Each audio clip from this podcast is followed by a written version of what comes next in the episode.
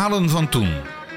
Bas Barendrecht en Ruud van Zomeren nemen u mee naar de voorbije jaren van de oude blinde en slechtziende scholen met hun internaten. Hoe was het om daar te leven en te leren? Luister het komende uur naar Verhalen van toen.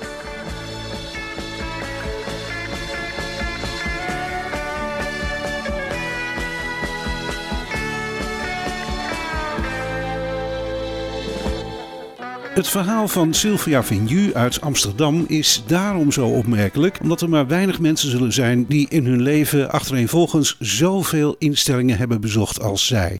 De Comenius School in Amsterdam, de Van Heukelom Stichting in Haren, het Elisabeth Kaleshuis in Huizen, het Looerf in Apeldoorn, de Bliso en de Robert Kopper Stichting in Vught. Inmiddels woont Sylvia alweer enige jaren in een rustige buurt in Amsterdam Slotervaart.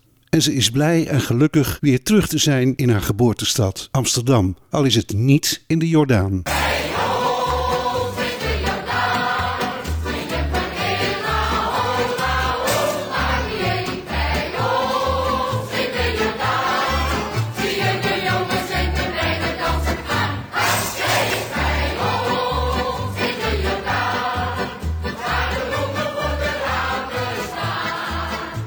Ik ben eh, in 1960 geboren.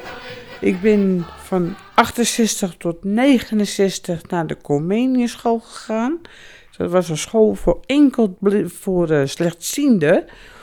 Ja, daar kon ik niet zo goed meekomen. Want eh, ik, ik snapte het hele lesprogramma niet. En daar hebben ze me op twee klassen gedaan. De eerste klas en de tweede klas. En dan had ik mijn juffrouw Mies, dat was de maatschappelijk werkster. En die heeft ervoor gezorgd dat ik van die school afging. Nou, ik kon niet zo bijster goed leren, zeker klassikaal niet. Ik eh, had wel een beetje individueel les, maar ja, het ging zo snel, kon ik niet bij, bijbenen. En eh, ja, omtrent paste ik wel op de school. En ik ging ook zelfstandig met mijn, met mijn neef Nol, moest ik ophalen. En dan gingen we naar, met de tram gingen we naar de Comenieschool. Ja, grote dingen, grote, grote lijnen. Ik kon nog wel wat zien. Ongeveer 10 à 12 procent. Met mijn neus op het boek. En lezen met mijn neus op het boek. Ja, er waren geen hulpmiddelen, dat, dat was er niet. Nou, ik voelde me best wel ongelukkig. Want eh, ik werd heel gauw gepest. En ik ben een keer zodanig gepest dat ik een trap in mijn maag kreeg. En eh, ben flauw gevallen. Je zegt het dan niet altijd. Maar ja, ik liep meer te huilen dat ik eigenlijk eh, gelukkig was. En wat deden de leerkrachten daar nou aan? Nou, die zeiden dat ik me niet aan moest stellen. En eh, nou, ze hadden het niet over mij, want ze stonden wel te lachen. Maar ja, ze hadden het voornamelijk over mij. En wat ze nou te zeggen hadden, ja, dat, dat was me nog niet duidelijk. is me nu nog niet duidelijk. Maar ja, ik, ik werd gewoon enorm gepest gewoon. Ik was een klein, schil, i- illig mensje. Ik was mager en ik had rood haar, ik had een bril, ik had sproeten. Dus ik had, me, ik had mijn uiterlijk ook al niet mee. Een slecht advies om je naar die school te sturen eigenlijk, achteraf. Ja, klopt. Dat is, eh, dat is duidelijk. Ik was er zeker niet gelukkig. En toen? Nou, toen ben ik met mijn ouders een keer naar een nieuwe school gegaan. Mijn ouders hadden, hadden me er zeker niet voorbereid. En die zeiden we, je gaat een dagje naar een nieuwe school. Gaan we met je mee en gaan we naar een nieuwe school kijken. Nou, ik heb het Beppie. We gaan naar een nieuwe school. Ik was gelukkig en ik ging van die school af. En, eh, nou, het, het was me totaal niet duidelijk waar ik nou werkelijk in terecht kwam. En eh, ik ging naar de Van Heukelom Stichting kijken. En eh, naar de nieuwe school. Volgens mijn ouders dan. En eh, ja, het was helemaal duidelijk. Ik werd, ik werd totaal niet voorbereid. Want de Van Heukelom Stichting, die zit in Haren, Groningen. Inderdaad, die zit in Haren Groningen. Dat is een, eh, blinde instituut voor eh blinden en slechtzienden. Maar ook voor mensen met een verstandelijke beperking. Je zegt, ik, ik was er helemaal niet op voorbereid. Heb je daar me- met je ouders ook over gesproken later, waar- waarom dat was? Nee, dat is eigenlijk nooit te sprake gekomen. Het is zo gelopen en eh, ja, ik heb later wel verteld wat er allemaal gebeurd was. Toen zei mijn moeder ook van, ja, ik heb de spa, spijt van haren op mijn hoofd dat ik dat ooit gedaan heb. Maar ze zegt, ja, we kunnen de tijd niet meer terugdraaien, kind. Ze zegt, uh, ja, het is zo gelopen. Maar mijn ouders waren helemaal niet van die praters. Absoluut niet. Ja, die kregen advies van, nou, dat zal wel het beste voor Sylvia zijn. En ja, er zal huis wel rondgekeken zijn waar ik het beste terecht kwam. Maar dat, dat schijnt op dat moment het beste geweest zijn. Want ja, dat was een internaat voor verstandelijk beperkt. Want ik had ook nog eens een keer een achterstand. Ja, wat vercijferde ik met het rapport thuis kwam. Ik vond Pasen leuk, vond Kit leuk. Alles vond ik leuk als ik maar vakantie had. Dat was voornamelijk het fijnste tijd. kon ik op straat spelen. Want dat was Happy de Peppy. Dat was leuk. Daar vond ik geweldig. In de Jordaan, in de Gouwboomstraat woonden we. En uh, ja, echt Jordanezen lopen nu op de stoep. Die lopen echt op de straat. En uh, ik heb een fiets gejat. Ik ging zelf op de fiets. En met mijn broer, van met mijn zusjes dan gingen we een oude, oude bloemenstal gingen we in uh, verschuilen. Moest mijn vader ons, ons weer zoeken. Kregen we weer op onze sodemieter. Ja, ik heb ook wat uitgevreten hoor. Nou, mijn, mijn, mijn zusjes zagen wel goed. Alleen op dat moment was het de enige slechtziende. En mijn ouders hebben me gewoon als ziende opgevoed. Van ik moest dit bekijken, ik moest dat bekijken. En uh, ja, doen we normaal, al doe je gek genoeg. Ik mocht niet dicht bij de televisie zitten. Ik mocht niet met mijn neus op het boek. Als ik het niet kon zien, dan las je me niet. Zo simpel was dat gewoon. Ik uh, speelde namelijk met de buur, met, uh, buurmeisje. Die heette ook Sylvia. En mijn zusje heette Diana, van oma Elzo, die heette ook Diana. Ja, daar speelden we voornamelijk mee. En ja, als ik niet op straat kon spelen voor het slechte weer, dan ging ik boven met de wasmand, kon ik me ook uren mee vermaken. Er zaten gaatjes in. Vond ik prachtig. Er was wel uh, controle onderling hoor. Alleen, we verraden elkaar nooit. Dat was een ding wat zeker was. Je verraadde elkaar nooit. Ook wat je kattenkwaad uitgevreten. Je verraadde elkaar nooit. Dat was wel het vertrouwen wat je, wat je in elkaar had. En ik kon, ja, kon me heel goed handhaven met die zien hoor. Vond het geweldig. Ik had er geen last van dat ik niet zag. Ik vond het wel prima zo. Zij zagen wel meer dan ik, maar ik had er niet zoveel last van. En dat ging vroeg in de jaren 60 gewoon zo, want uh, ze maakten geen onderscheid. En nou wordt er onderscheid gemaakt van ja, jij ziet niet of je loopt met de stok. Dat was destijds gewoon helemaal niet. Want je, die speelde op straat en dat was normaal. Het was natuurlijk ook nog niet zo heel erg druk in Amsterdam. Nee, absoluut niet. Want uh, de kop en de paard op straat. Want ik, ik heb de melkboer nog meegemaakt. En de schilleman. En de groenteboer. En wat had je nog meer? De voddenboer had je ook nog. Met uh, paard en kooi. Dat, dat heb ik allemaal nog meegemaakt. En mijn moeder had een slinger, die had geen wasmachine. Mijn moeder was er nog op de hand, sokken, ondergoed, beddengoed. In 68 kwam pas de eerste, eerste wasmachine toen mijn broertje werd geboren. Geef mij maar Amsterdam, dat is mooier dan Parijs. Geef mij maar Amsterdam, mijn mokensparadeus. Geef mij maar Amsterdam, wits en Amstel en het. Want in mogen ben ik rijk en gelukkig tegelijk. Geef mij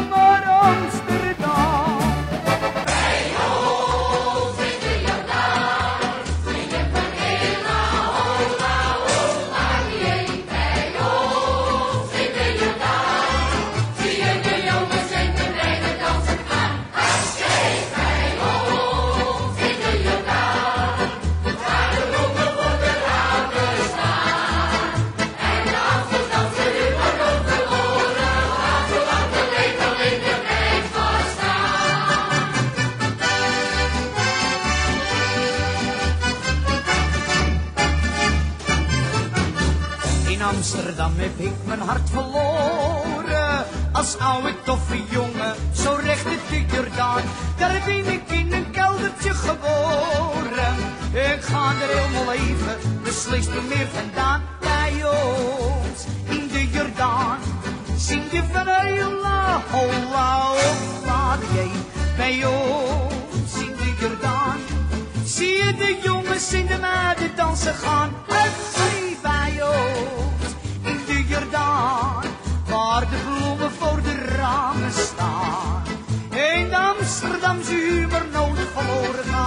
zolang de lepel in de breipot staat.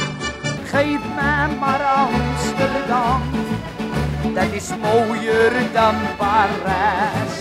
Geef mij maar Amsterdam, mijn Mokums paradijs. Geef mij maar Amsterdam, met zijn Amstel het ijs. Want in Mokum ben ik rijk en gelukkig tegelijk. Geef mij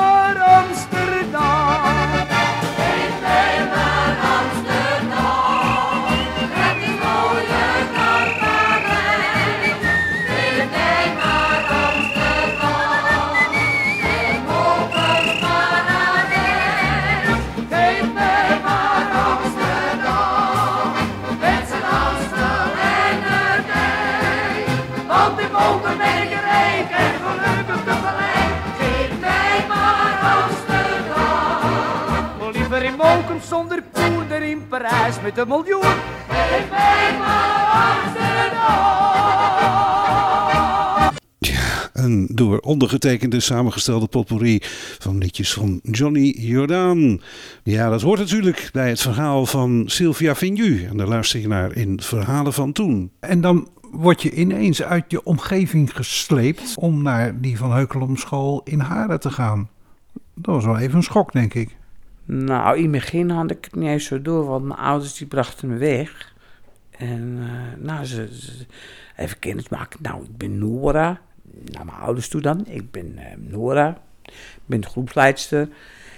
En eh, ja, en ik ben tante Nora. Zo zei ze tegen me. Je bent een- mijn tante niet. Ik krijg mijn klap tegen mijn hartjes. Mijn vader zegt, ja, uit je grote mond, hè. Ja, ik was gewend om mijn grote mond op te zitten. Dat was gewoon... Er werd dan behoorlijk ge- ingetimmerd van... Dat mag jij niet doen. Je mag geen grote mond tegen me geven. Nou, mijn ouders gingen weg. Ik janken, ik wil mee en ik heb geen straf en ik heb niks uitgehaald. En waarom dan? En ik wil mee. En nee, zei mijn vader moeder, je blijft gewoon hier. Geen gezeur. Over vier weken zie ik je weer terug. En ik mag mee en ik wil mee en ik wil hier niet blijven. En nou, zo is het eigenlijk een beetje gegaan. Nou, toen ben ik eigenlijk eh, even naar de groep meegenomen. Want ik zat in groep 1, dat was het hoogste niveau. En dat was meteen met het middageten. Toen aten ze warm. En ik vergeet het nooit meer. Toen hadden ze spruiten. En aangezien dat ik die niet lus. En ik was gewend om wel spruiten te eten. Ik moest altijd mijn bord van mijn ouders leeg eten. Ook waardspruiten. Mocht er een kledde piccalilli overheen. Nou, dat ging dan met grote brokken ging dat naar binnen. Maar ja, dat, dat was gewoon, gewoon niet zo. Dat was geen piccalilli. En ik wist bij niet hoe ik met mijn vork moest eten. Dat was ook gewoon, dat hadden ze, dat, dat, dat, ja, dat was niet met een lepel eten. Nee, met mes en vork. Ik wist niet eens wat een mes en vork bestond. Eerst maar eens even naar, die school. Eh, dat was iets heel anders dan de Comeniuschool, denk ik. Ja, dat was veel anders. Het internaat en school was een één. Eh, het was een vierkant gebouw met een tuin erin. Daar mocht je nooit komen. Eh, links van het gebouw was, eh, was de school. En rechts waren de groepen. En groep 1 en groep 2 die zaten boven de school. Dan moest je trappen omhoog. Dat was op één hoog. En eh, ja, je hoefde de straat niet meer op. En dat was ik niet gewend, want ik was gewoon om half acht gewend om eh, met mijn tasje brood eh, en mijn beker chocolademelk naar school te gaan. Dat was helemaal niet. Dat, dat, nee, dat, dat voelde me raar hoor, dat ik dat niet mocht. Ik mocht niet eens alleen de straat op, terwijl ik dat wel gewend was. Je, je medeleerlingen, had je daar contact mee? Nou, niet echt. Nee, niet echt. Ik was toch wel een, eh, een kind op zichzelf, laat ik het zo zeggen. Ik, ik speelde graag alleen. Ik was buiten alleen. Ik was op de groep alleen. Ik zocht niet echt contact met kinderen. Ja, ik ben, graag alleen. Ik, ik vind contact ook leuk. Maar ik zocht het niet indirect op. Als kind had ik er niet echt behoefte aan. Want ja, ik had wel zoiets van, dat kind dat zit er continu te wiebelen. En eh, ja, ik had het niet zo gauw door. Maar ja, door je ouder heb je dat wel door natuurlijk. Dat ze bestandelijk beperkt waren. Maar ja, ik, ik was toch, ja, moet ik zeggen, een kind alleen. Ik vond dat wel prima zo. En die school zelf, het leren, Nou, dat was eh, de school. De school op zich was eh, individueel. Het, het leren lezen. Ik heb ook echt leren lezen. Het zien er dan. En leren rekenen op mijn manier. Het, het gaat erg moeizaam toen. Erg moeizaam. Maar toch, ik heb me er doorheen geworsteld. En eh, ik kan nou lezen en schrijven. Ik kan eh, goed hoofdrekenen. En dat kon ik op de comenieschool niet. Want dat was klassikaal en ik heb het zeker niet voor klassikaal nodig. En zeker niet van de boeken. Daar heb ik het totaal niet voor nodig. Ja, ik heb er wel zeker wel dingen geleerd hoor. Dat, eh, ook al had ik het wel eens moeilijk, dan dacht ik van ongelooflijk wat moeilijk en hoe moet dit nu? En nou, ik heb leren lezen, ik heb leren schrijven, ik heb leren rekenen, ik heb leren hoofdrekenen.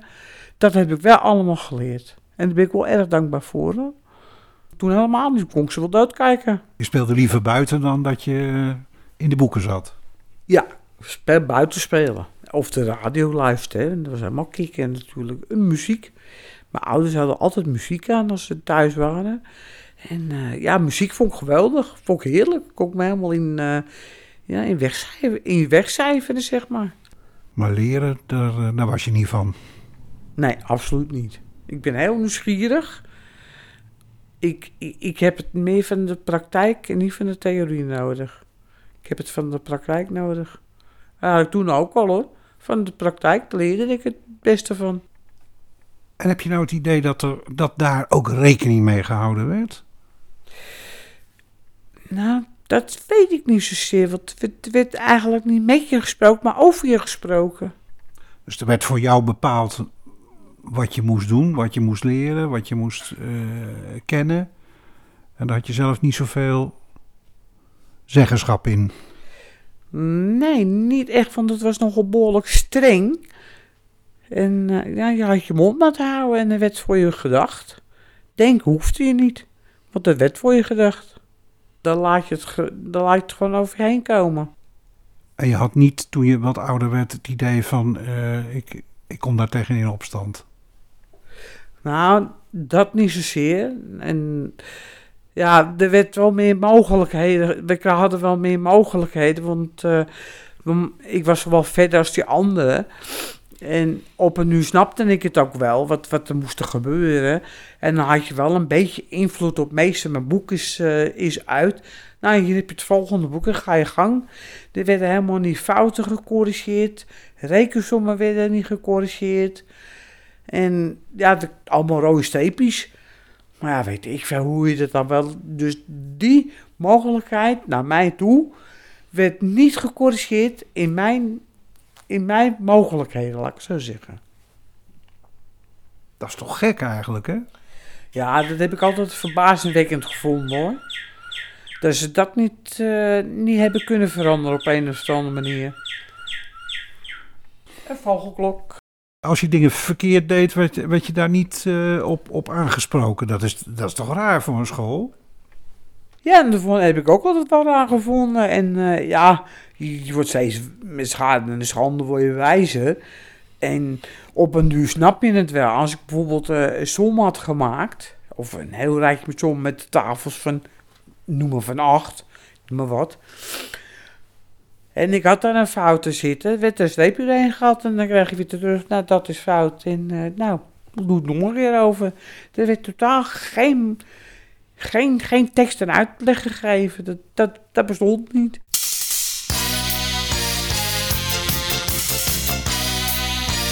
Auto's in de grote stad, jongen die daar fietsen jat. Hondenpoepen op de stoep, het is daar een grote troep. Krakers zitten in een pand, buiten staat een. Daar weer uit, stenen vliegen door de ruit. Wat een kleren zooi, vroeger was de stad zo mooi. Alles gaat daar stuk, maar geen hond die druk. Dat loopt nooit goed af, iedereen die lijkt van maf. Mensen, pas maar op, Amsterdam raakt in het slop. De metro kost een zootje poen, daarin zijn ze kampioen. Werkeloosheid nummer 1, lustig gloeit daar de sirene. Junkies stelen auto's leeg,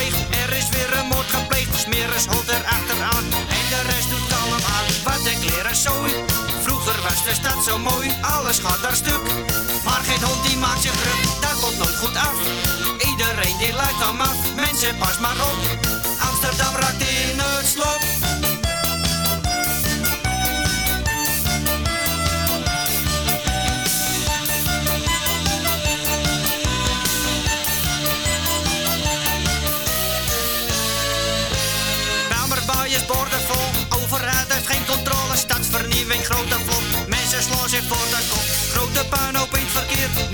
er meer.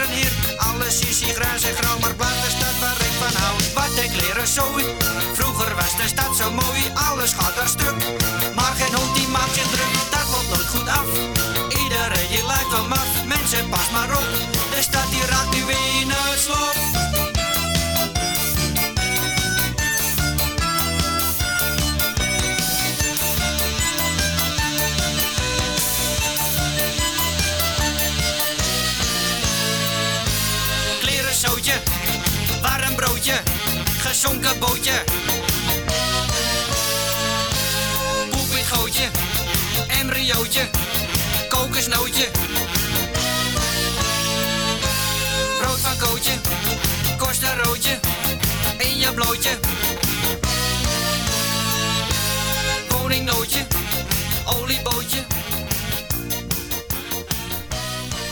naar dat internaat. Wat deed je daar nou buitenschool? Nou, buitenschooltijd eh, mocht je buiten spelen of op de groep. Eh, er was een eh, radio. Twee keer in de week mochten we televisie kijken, groep 1 en groep 2. Mochten twee keer in de week televisie kijken totdat je naar bed moest. En dat was ook geregisseerd. Want ik was acht dat ik er kwam. Dat jaar moest ik negen worden. In 69. Lag ik om half zeven, moesten we naar bed. Gewassen en gestreken, moesten we naar bed. Om half uur later was de volgende groep. Half acht of acht uur was de volgende groep. Nou, enzovoort en enzovoort. Degenen die 18 of 17 jaar waren, die moesten al om 9 uur naar bed. En dan moest iedereen plat en kop houden. En er mocht niet gesproken worden. Er mocht niet gelachen worden onderling. Nee, iedereen moest stil zijn, slapen. Tot de volgende, volgende ochtend 7 uur. Nee, we waren ook wel ondeugend. Want we gingen ook wel skaten. En vooral als het vakantietijd was, toen kwamen de koffers tevoorschijn. En die werden dan op de gang gezet van die lege koffers. Ja, dat was kicken natuurlijk, want daar hadden wij we hadden wel een trucje mee. En we gingen wel die de koffers ondersteboven trappen. En er kwam de nachtdienst, wel, potjandori, allemaal jullie bed in. De meisjes naar de meisjes en de jongens naar de jongens. En geen gezudemieter. Maar dat was alleen tegen vakantietijd. De rest van de tijd waren jullie braaf. Ja, toch in het algemeen wel, want er werd best wel gecontroleerd hoor. Het was, het was erg, erg streng, moet ik zeggen. En daar heb ik nog wel eens last van hoor. Als iemand streng tegen mij spreekt, dan begin ik al te huiveren. Je was wel bang voor de groepsleiding. Nou, ik wel. Ik wel. Mensen die gezag hadden, nou, daar, had ik, daar was ik wel bang voor hoor. Vooral groepsleiding, die waren helemaal streng. Van, nou, je hebt je mond het houden, je hebt geen inspraak. En je doet maar wat ik zeg. Waar was je bang voor? Nou, eh, op, ja, dat ik iets fouts zou doen. Dat ik iets zou zeggen wat, ja, wat helemaal niet van toepassing is. Ja en nee namen. En je durfde niet eens iets anders te doen. Nee. Nee, durfde ik niet. Nee, dat haalde je niet in je hoofd. Nou, we deden wel eens dingen, vooral als we ergens niet mee eens waren. Dan had je van die grote, ja, grote stoppenkast met hendels. En die hingen door het hele gebouw heen. En dat was de open stoppenkast. En als we het ergens niet mee eens waren en we hadden het personeel op het op dak, dan moesten we de hendel overhalen, hadden ze geen licht. stre- viel de stroom uit. Onder andere deden we dat. En we hebben een keer gestaakt. Toen ja, was ik al wat ouder. Toen hadden we gestaakt, waren we het helemaal niet mee eens. Want we wouden alleen over straat. En dat mocht helemaal niet. We mochten niet alleen over straat, want er lag aan de Rijksstraatweg een grote parallele weg. En die was heel druk. En er was... eh nou gingen we onder het bed liggen de, de groepsleider treiteren.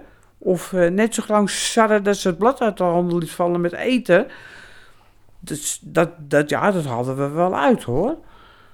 Ja, ik was wat een kring hoor. Als ik het op mijn heup had, dan had ik het wel zitten hoor. Hoe vaak ging je naar huis eigenlijk?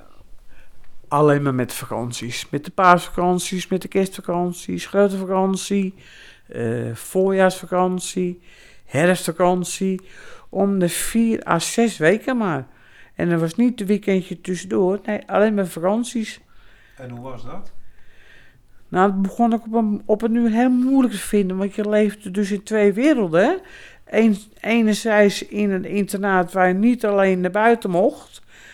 Maar bij ouders was het wel zo van, nou, je komt thuis, je helpt even met de afwas, je gaat even een boodschapje doen, je gaat even op straat wandelen. En mijn ouders hadden op een uur een hondje, toen kon ik het hondje uitlaten, toen kon je op internaat. En dan was er geen hondje, want dat kon je het hondje niet uitlaten, want dat voelde in de schulder ook. Dus ja, het aanpassingsvermogelijkheid, dat, was, ja, dat, dat vond ik wel heel moeilijk hoor. Enerzijds mocht je vrij, en anderzijds mo- moest je ja, in helemaal in het gereel lopen. Je, leeft in twee werelden. Je, je gaat tot gezinsleven ontgroeien. Want ja, je bent gewend om in, in een groep van twaalf te leven. En eh, ja, dan kom je weer thuis bij je ouders en dan zit je met z'n vijf aan tafel. En wat heel gezellig was, maar ja, bij mijn ouders was het ook zo, tijdens het eten wordt niet gesproken.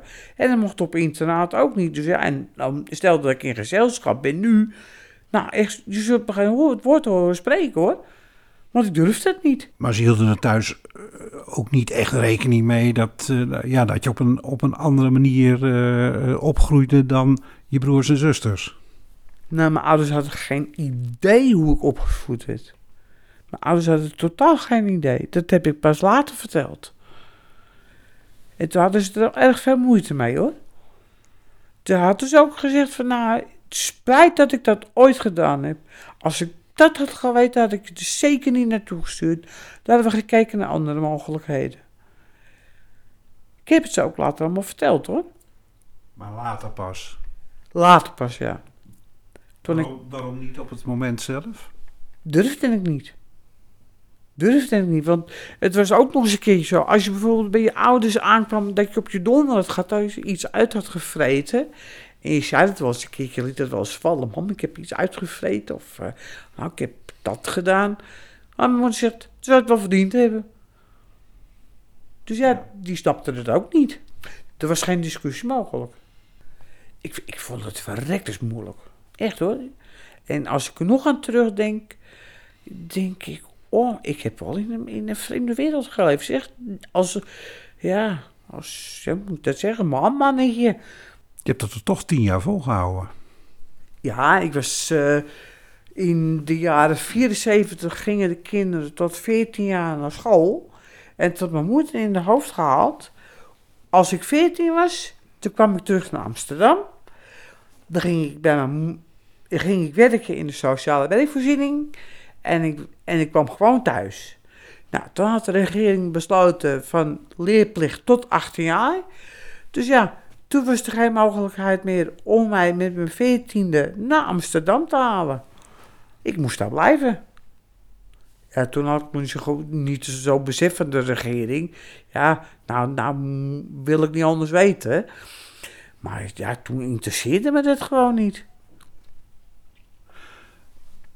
Maar eh, wat moest je al die jaren doen daar? Wat moest je al die jaren nog leren? We- ja, maar moest ik leren, vooral taal en rekenen dan. En wij kregen een nieuwe school, een ap- aparte school op het terrein zelf. En er kwamen wel meer mogelijkheden. We kregen over tuinieren en over eh, mensen, over mensenleven. Hoe noem je dat weer? Eh, nee, ik ben het vergeten. Nou, hier dan. Over menskunde, zoals je dat dan eh zeiden dan. Over het menselijk lichaam. En eh, over seksuele voorlichting. Eh, we hadden een zwembad. Hadden we ook nog, mochten we ook in zwemmen. Kregen we ook twee keer in de week eh, zwemles en gymnastiek. En we hadden ook echt een apart speeltuin. Er was een schommel, een wip en een draaimolen. Nou, ik was een favoriete schommel. Het was een favoriet van mij en nog. En eh, ja, er kwamen er meer, mogelijk, meer, meer leermogelijkheden. En dat vond ik erg prettig. Had je school en internaat apart. Dus dan dan ging ik toch naar school. Dan ging ik ook weer naar het internaat. Dat vond je prettiger. Dat vond ik veel prettiger. Want dan had je echt het idee, ik ga naar school. Of ik ga naar het internaat. Amsterdam, oh Amsterdam, how I love you, Amsterdam. When I get there, I'm gonna kiss the ground that you stand on, Amsterdam. I left my home and I left my friends. Said I'll be back, but I don't know when. Set my sail to the restless wind. So long, oh Amsterdam.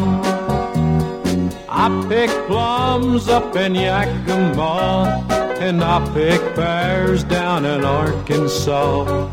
Even learned how to say you all, but I still miss Amsterdam.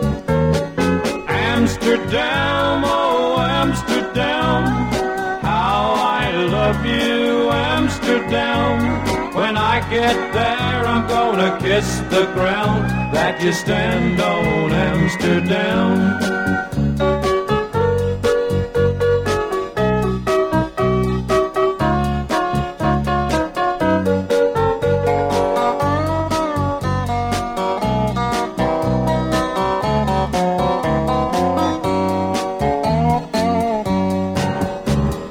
I did my thing in Tokyo, tried my luck in Kokomo, searched for Bill in Buffalo, but I still miss Amsterdam. I pick peaches in a Georgia town, and I pick cotton down in Birmingham. And the day I get out of Alabama, I'm going back to Amsterdam. Amsterdam, oh Amsterdam, how I love you, Amsterdam. When I get there, I'm gonna kiss the ground that you stand on, Amsterdam. Amsterdam, oh Amsterdam, how I love you. Tja, het moet toch niet gekker worden. Een ras-echte Amerikaan, geboren in Sherman, Texas. Buck Owens heet hij, die eh, een loflied zingt over onze hoofdstad. Een grote hit overigens in 1970. Zijn enige. Terug naar het verhaal van Sylvia Vigneault. Ja, ik was 18, was in 1979. Toen ben ik, eh, heb ik zelf gekozen naar het Elisabeth Kalenshuis. Dat was eh, voor volwassenen met een verstandelijke beperking. En daar hadden ze een weverij. En aangezien dat we handwerken, de meisjes moesten altijd handwerken als ze niet eh, in de boek zaten. En het handwerken heeft me altijd wel erg geïnteresseerd, want dat was echt iets wat, eh, ja, wat ik kon. Want dat was praktijk. En nogmaals, ik heb het van de praktijk nodig. Wat mijn handen zien, wat mijn ogen zien, doen mijn handen. En dat heb ik nou nog. En eh nou, daar ging de weverij in, ook intern. En, maar ik had wel de mogelijkheid op een duur dat ik eh, alleen zelfstandig met de bus naar Amsterdam ging. Want Elisabeth Kalenshuis is in Huizen, grens Bussum. Dus dat is een stuk dichter bij Amsterdam dan Haren. Ja, dat was zeker dichterbij. Ik, eh, we gingen elke maand, hadden we een lang weekend van vrijdag tot en met de maandag. En dan ging ik er om de 14 dagen naar huis. Dat was dan even vrijdagavond tot zondagavond. En dat vonden we wel iets prettiger, eh, aangenamer dan, eh, dan zes weken blijven hoor. Wat was nou het verschil met de Heukelom Stichting? Nou, de regels waren ongeveer hetzelfde, ook al was je volwassen. Maar dat hebben we nog eh, met eh, nog drie anderen toch weten te veranderen. Want wij moesten om tien uur eh, op kamer zijn. Dan was het personeel vrij af, zeg maar. We mochten niet alleen over straat. Terwijl dat bij de Van Heukelom was dat al helemaal veranderd. Als je de mogelijkheid had om alleen over straat te gaan, mocht dat. En eh, we mochten niet over onze eigen geld beheren. Dat is het ook eh, geregisseerd. Want we waren gewend om twee tientjes in de week te krijgen. Eén tientje voor het sparen en één tientje voor uit te geven. Nou, en tegenover het Elisabeth Kalenshuis Annex Blindeninstituut zat eh, de Shellpomp. En daar haalden we onze sigaretten en check vandaan. Nou, dat was de enige mogelijkheid. Als je alleen over straat mocht, mocht je dat doen. Maar je mocht van, van, van niemand, van het personeel, mocht je niemand mocht alleen over naar het dorp. Dat was gespraak mogelijk. Dat is eigenlijk ook raar, hè? Want je, je zegt zelf al, eh, ja, je was min of meer volwassen toen. Ja, dat, waren voornamelijk mensen met een eh, ja, toch verstandelijke beperking. Ja, wie de mogelijkheden niet hadden. En eh, toen kwam eigenlijk het stoklopen in zicht. Want ja, dat, dat was destijds niet. Daar- Daar sprak men niet over. Over stoklopen of over een geleide hond. Dat was je helemaal niet. eh, ja, dat ding was helemaal niet bekend. Daar had je nooit van gehoord.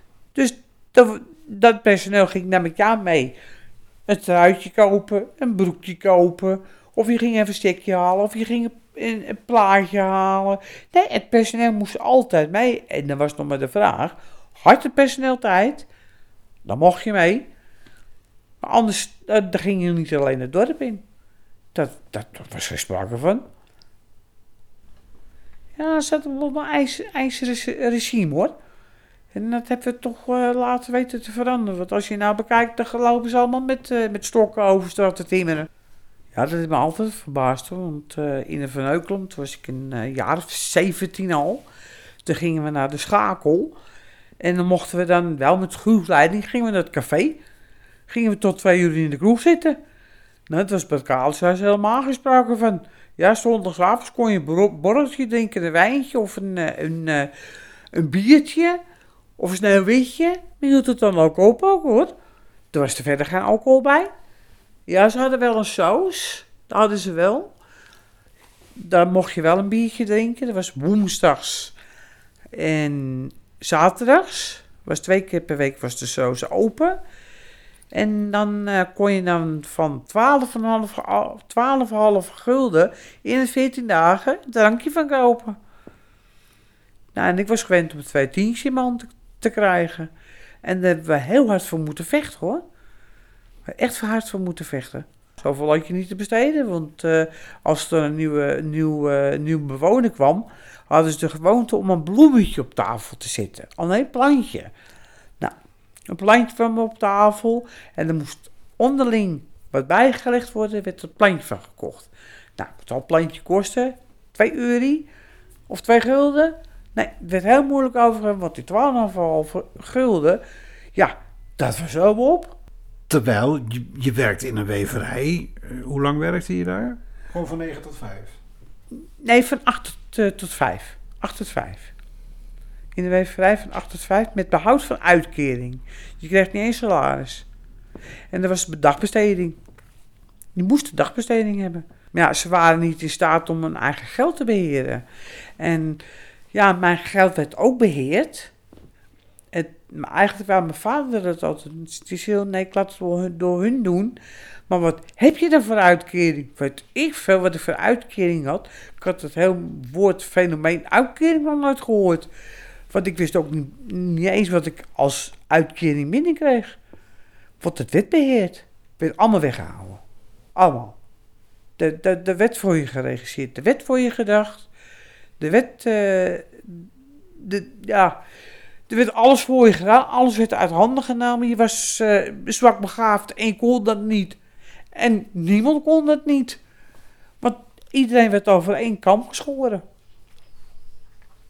Ik heb eh, toen de maatschappelijk werker gesproken, want toen kreeg ik eh, taxigeld. Want eh taxivergoeding, hè, dat was ook een fenomeen. Dat hadden ook een hele- heleboel mensen. En nou, die kregen dan wel gewoon een taxivergoeding op hun rekening. En ik heb ervoor moeten vechten. Toen had ik uiteindelijk een halve taxivergoeding. En toen ben ik naar maatschappelijk werker gegaan. Toen was Ineke Bierens. Een heel aardig mens was dat. Ik, Ineke, is het mogelijk dat ik mijn eigen taxivergoeding op, mijn- op een rekening kan krijgen? Dat kan ik zelf beheren. Ja, dat was goed. Nou, dat had ze geregeld. Ik kreeg dan mijn uit, die eh, taxivergoeding eh, op een, eh, op, op een bank. Nou, daarna heb ik ook mijn uitkering op mijn rekening gekregen, maar ik mocht het tegen niemand zeggen. Want ze zei, toen had Ineke Biens tegen mij gezegd, Vasil, ik weet dat jij dat wel kan, want zo ben jij opgegroeid met je ouders om zelf geld te beheren. Maar er zijn een heleboel mensen die dat niet kunnen. Dus ik moest daar mijn mond over houden. Dus dan kan je nagaan, werd het nog stiekem gedaan ook. Als je het over bewoners gaat zien. Had je nou je zin in het Kalershuis? Nou, het fenomeen Kaleshuis had ik het niet echt naar mijn zin. Maar ik vond de weverij zo leuk. Dat, daar voelde ik me helemaal happy peppy. Dat vond ik geweldig. Ik, heb daar een heleboel dingen geleerd omtrent handwerken. Ik heb leren haken, ik heb leren weven, ik heb leren spinnen, leren scheringen maken. Dat heb ik allemaal geleerd. En ik kan dat nou uitvoeren. Als grootste hobby zijnde. Vond je gewoon leuk om te doen? Ik vond het geweldig. Ik, ik, ik, ik deed iets wat ik, wat ik kon. En het leven in het Kalershuis zelf? Ja, dat was toch echt individueel hoor. Je at gezamenlijk, eh, s morgens, middags, s avonds. S middags was het warme hap. Sma- S avonds en s morgens was het een broodmaaltijd. Je moest om 7 uur op. En om 10 uur op je kamer. En om half acht werd er gegeten, s ontbijt. Er werd om 12 uur warm hap. En om eh, half zes was er een broodmaaltijd. Nou, s'avonds kopje koffie. En eh, dat, dit, dat is het. Met meer werd er niet gedaan. En verder kon je zelf van maken. En lukte dat? Ja, ik had de tv op kamer. Dat was ook een van het weinige. Ik had een tv'tje van mijn ouders gekregen. Kon ik zelf mijn televisieprogramma's eh, kijken.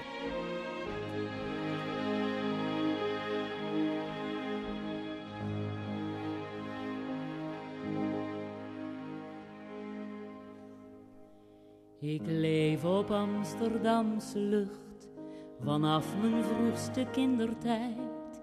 Ik raak het Amsterdams parfum zelfs in mijn dromen zelden kwijt.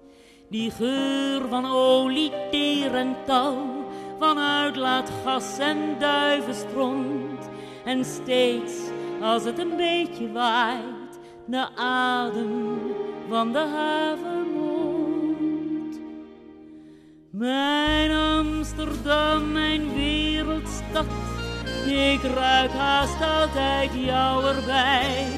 Tot in den verste vreemde toe, mijn eigen stink staat aan het ei. Mijn Amsterdam.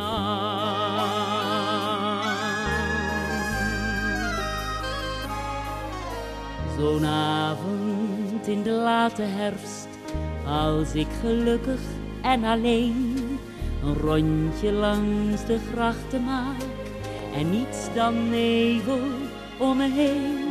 Terwijl op ieder woonschip weer een kromme schoorsteen dapper rookt, dan krijgt de mist de scherpe geur van kacheltjes op hout gestookt. Mijn Amsterdam, mijn warme jas, ook als de winterkou me bijt en alle nachten donker zijn, dan wou je van geborgenheid, mijn Amsterdam.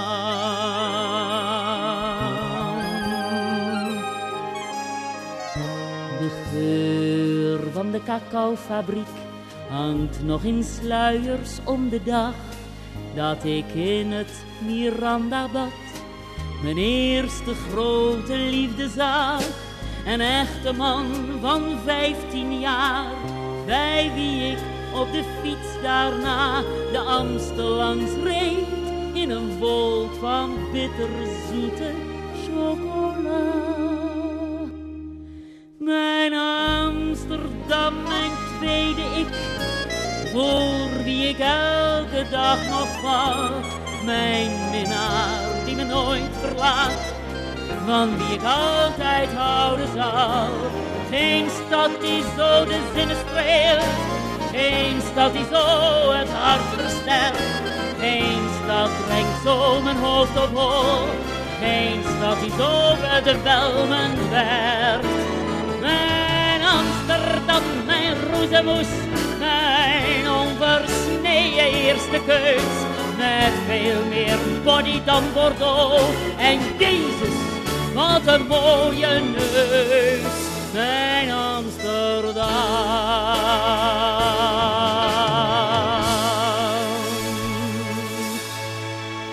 Een prachtig vers van Jenny Arian, Amsterdams parfum.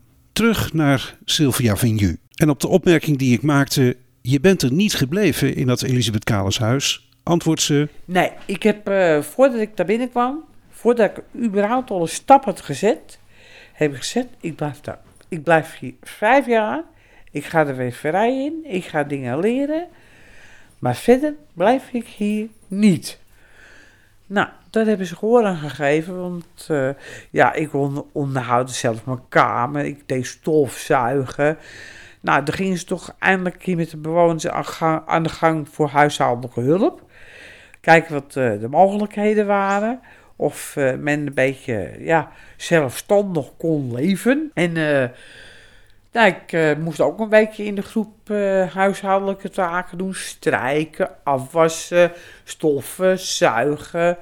Nou, wc hoefden we dan niet te doen, want er werd gedaan. En nou, ze zagen toch wel dat ik wel meer, meer kon alleen maar in de weverij. En ja, toen hebben ze gedacht van, nou, dan gaan we naar het Bouwwerf. Want daar, eh, want dat had ik ook aangegeven om leren te wassen. Want ik wist niet eens eh, hoe wasmachine werkte. En eh, hoe droger werkte. Leren koken. En ja, dat, dat was niet ter orde op het Kalenshuis. Want dat, dat werd voor je gedaan. Nou, toen zagen ze dat er toch wel meer in me zat. Dan alleen maar de weverij.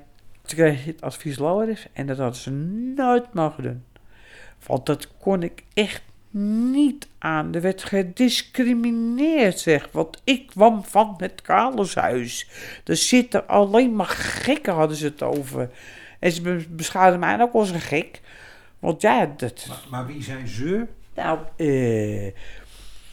hogerhand. Niet indirect. Maar, de revalidanten aan zich.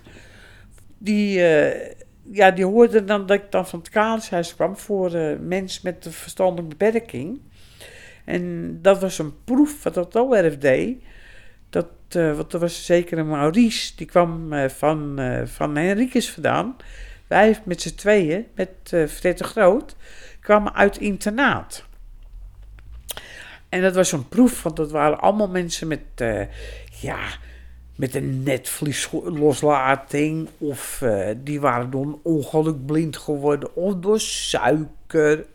Dat was pure maatschappij. En dat kon totaal niet aan.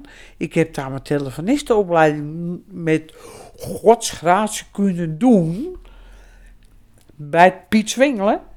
Maar verder heb ik eigenlijk dan niks geleerd. Die wasmachine, die kwam niet aan bod. Ja, dat heb ik ook nog geleerd. Ja, ik heb wel een stukje huishoudelijke taken eh, mogen leren. Het leren wasmachine, het leren elektra koken. Maar recept of zo, nee, dat, dat, dat stond in het boek, maar daar snapte ik toch niks van. Dus je je werd gewoon gediscrimineerd, want je snapt dat niet. Dat zeiden de docenten. Ja. Ja, er zijn er docenten, want jij komt van het Kalenshuis, dus dan snap je het niet, dus dan doen we het niet. Ze hebben me wel aangenomen als proef. Ik was een proefkonijn. Een teleurstelling. Ja, dat was een hele grote teleurstelling hoor. Ik ging er ook met, eh, ja, met niet goed gevoel ging ik daar weg. Ik heb daar eh, vanaf eh, oct- 1 oktober 1983 tot eh, juni 84 gezeten. En wat ik er eigenlijk nog geleerd heb, is nog weinig. En die telefonistenopleiding? Ja, ik heb eh, als telefoniste in, bij de Bliso kunnen werken. En Bliso was een eh, sociale werkplaats voor blinden en slechtzienden in Vught. Heb ik eerst productiewerk gedaan. Toen heb ik net zo lang zitten te zeuren dat ik achter de telefoon mocht zitten. Ik mocht een eh, ochtendje proef draaien. En vanaf die tijd ben ik daar aangenomen. Ik heb daar eh, drie jaar gezeten achter de balie. Dus ik was eh, telefonist en receptioniste. Ik mocht een eh, kistje bijhouden met eh, kleingeld voor telefoon.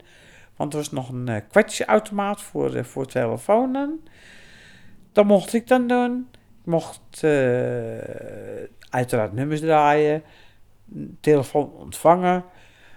Ik weet nog één, één ding wat de directeur belde van helemaal uit China. En dat was een hele slechte lijn. En moest, hij moest iemand hebben van eh, personeelszaken. Toen heb ik aan eh, de directeur gevraagd: Heeft u er problemen mee dat ik opschakel, dat ik meeluister? Want als het mis kan gaan, kan ik u waarschuwen of ik kan aan de andere kant waarschuwen. Nou, zegt hij: Is goed. Nou, dat heb ik ook gedaan. En toen was het een keer een, een, een voorval. Dat was bij de receptie. Stond de directeur met en eh, maatschappelijk werk. Van, eh, voor ja, deze of geen, weet ik niet precies. En eh, personeelszaken. En die hadden daar een gesprek. En ik ging me erop een duur, ja, onbewust eigenlijk, ben ik me er ook mee gaan bemoeien. En die directeur opeens van, hey, snap jij dat? Je kan zomaar meepraten. Je, je snapt alles. Ik zei, waarom zou ik dat niet snappen? Vught. En van Amsterdam vandaan. Ja, en helemaal in Brabant. Toen ben ik naar Brabant gegaan in 1984. Toen ben ik op het Robert Koppenshuis gekomen. En ja, dat was een, mix tussen met verstandelijk beperkte, maar of valide met een, eh, met een visuele beperking. Die gingen, dat was een doorstroomhuis voor later zelfstandig te gaan leren wonen. Nou, in praktijk had ik allemaal wel geleerd. En van mijn ouders heb ik dat geleerd. En eh, van mijn moeder vooral. En op het LOF heb ik een stukje geleerd. Maar ik zat gewoon met psychisch heel ergens in de knoei. Want ik zat in de maatschappij. Ik, ik werkte. Maar dan kwam ik weer op het koppershuis terecht. En dan was ik weer in mijn eentje. Er werd niet groepsmatig gewerkt. Ja, wel gezamenlijk gegeten. Of je deed je maaltijd zelf, of eh, was met de groep eten. En werken. Maar die groep, daar had je niet zoveel mee. Nee, totaal niet. Er zaten ongeveer eh, twaalf man zat in Robert Koppers huis. En ik heb daar vier jaar gewoond. En vier jaar ook op de Blizo gewerkt. En vier jaar op de Blizo gewerkt, waarvan drie jaar heb ik in het ziekenhuis gelegen met eh glaucoomklachten. Ja, vond ik wel erg jammer hoor. Ik had het echt wel naar mijn zin. Ik had een heel hok voor me, alle- voor me alleen. En een telefoon zit er al in, een gesproken boek bij me. Maar ik vermaakte me wel hoor. Dat was geen enkel probleem. Waarom hield het op? Nou, ik ben afgekeurd omdat ik eh, toen heel erg zwaar overspannen was. Want ja, ik zat eh, psychisch helemaal klem. Want ja, ik, ik, kon, ik, ik kon de grote boze wereld niet aan. En eh, ja, alles wat ik op internaat en in bussen heb meegemaakt. Ja, dat, dat was er niet meer. Het veilige wereldje, het strenge veilige wereldje. Ja, je was uitgevlogen, zeg maar. Ja, is dat nou zo? Want die, die Koppenstichting is toch ook een beschermde woonvorm? Die Blizo is een beschermde werkvoorziening? Het, het voelde anders. Ja, het- ik, ik verdiende mijn centen. Ik deed hard werken. Ik was ook nog eens een keertje eh, leren zelfstandig te wonen. Ik kreeg een, stukjes psychische begeleiding. En ja, het werd, het. Ja, je werd niet echt in de maatschappij geholpen. Laat ik het zo zeggen. Het was werken en je kwam weer thuis. Dat, dat is het. Voelt het toevallig totaal niet prettig. Helemaal niet. Nou, daarna ben ik, eh, ben ik overspannen geraakt. Heb ik eh, drie maanden in psychiatrie gezeten. En toen woonde ik vanaf 88 helemaal zelfstandig. Toen kreeg je drie maanden een stukje begeleiding nog na. Van koopenshuis en op je eigen woning. Dat heb ik al langer gekregen omdat ik eh, heel erg glaucoom had. Ik mocht eh, niet alleen wonen. Ik moest een telefoon hebben, want als ik ziek was, door die hoge druk zeg maar, moest ik meteen kunnen bellen. En eh, op die voorwaarden mocht ik ook zelfstandig wonen. Nou, dat is gehoor aangegeven aan de Koppershuis dan. En toen ben ik afgekeurd.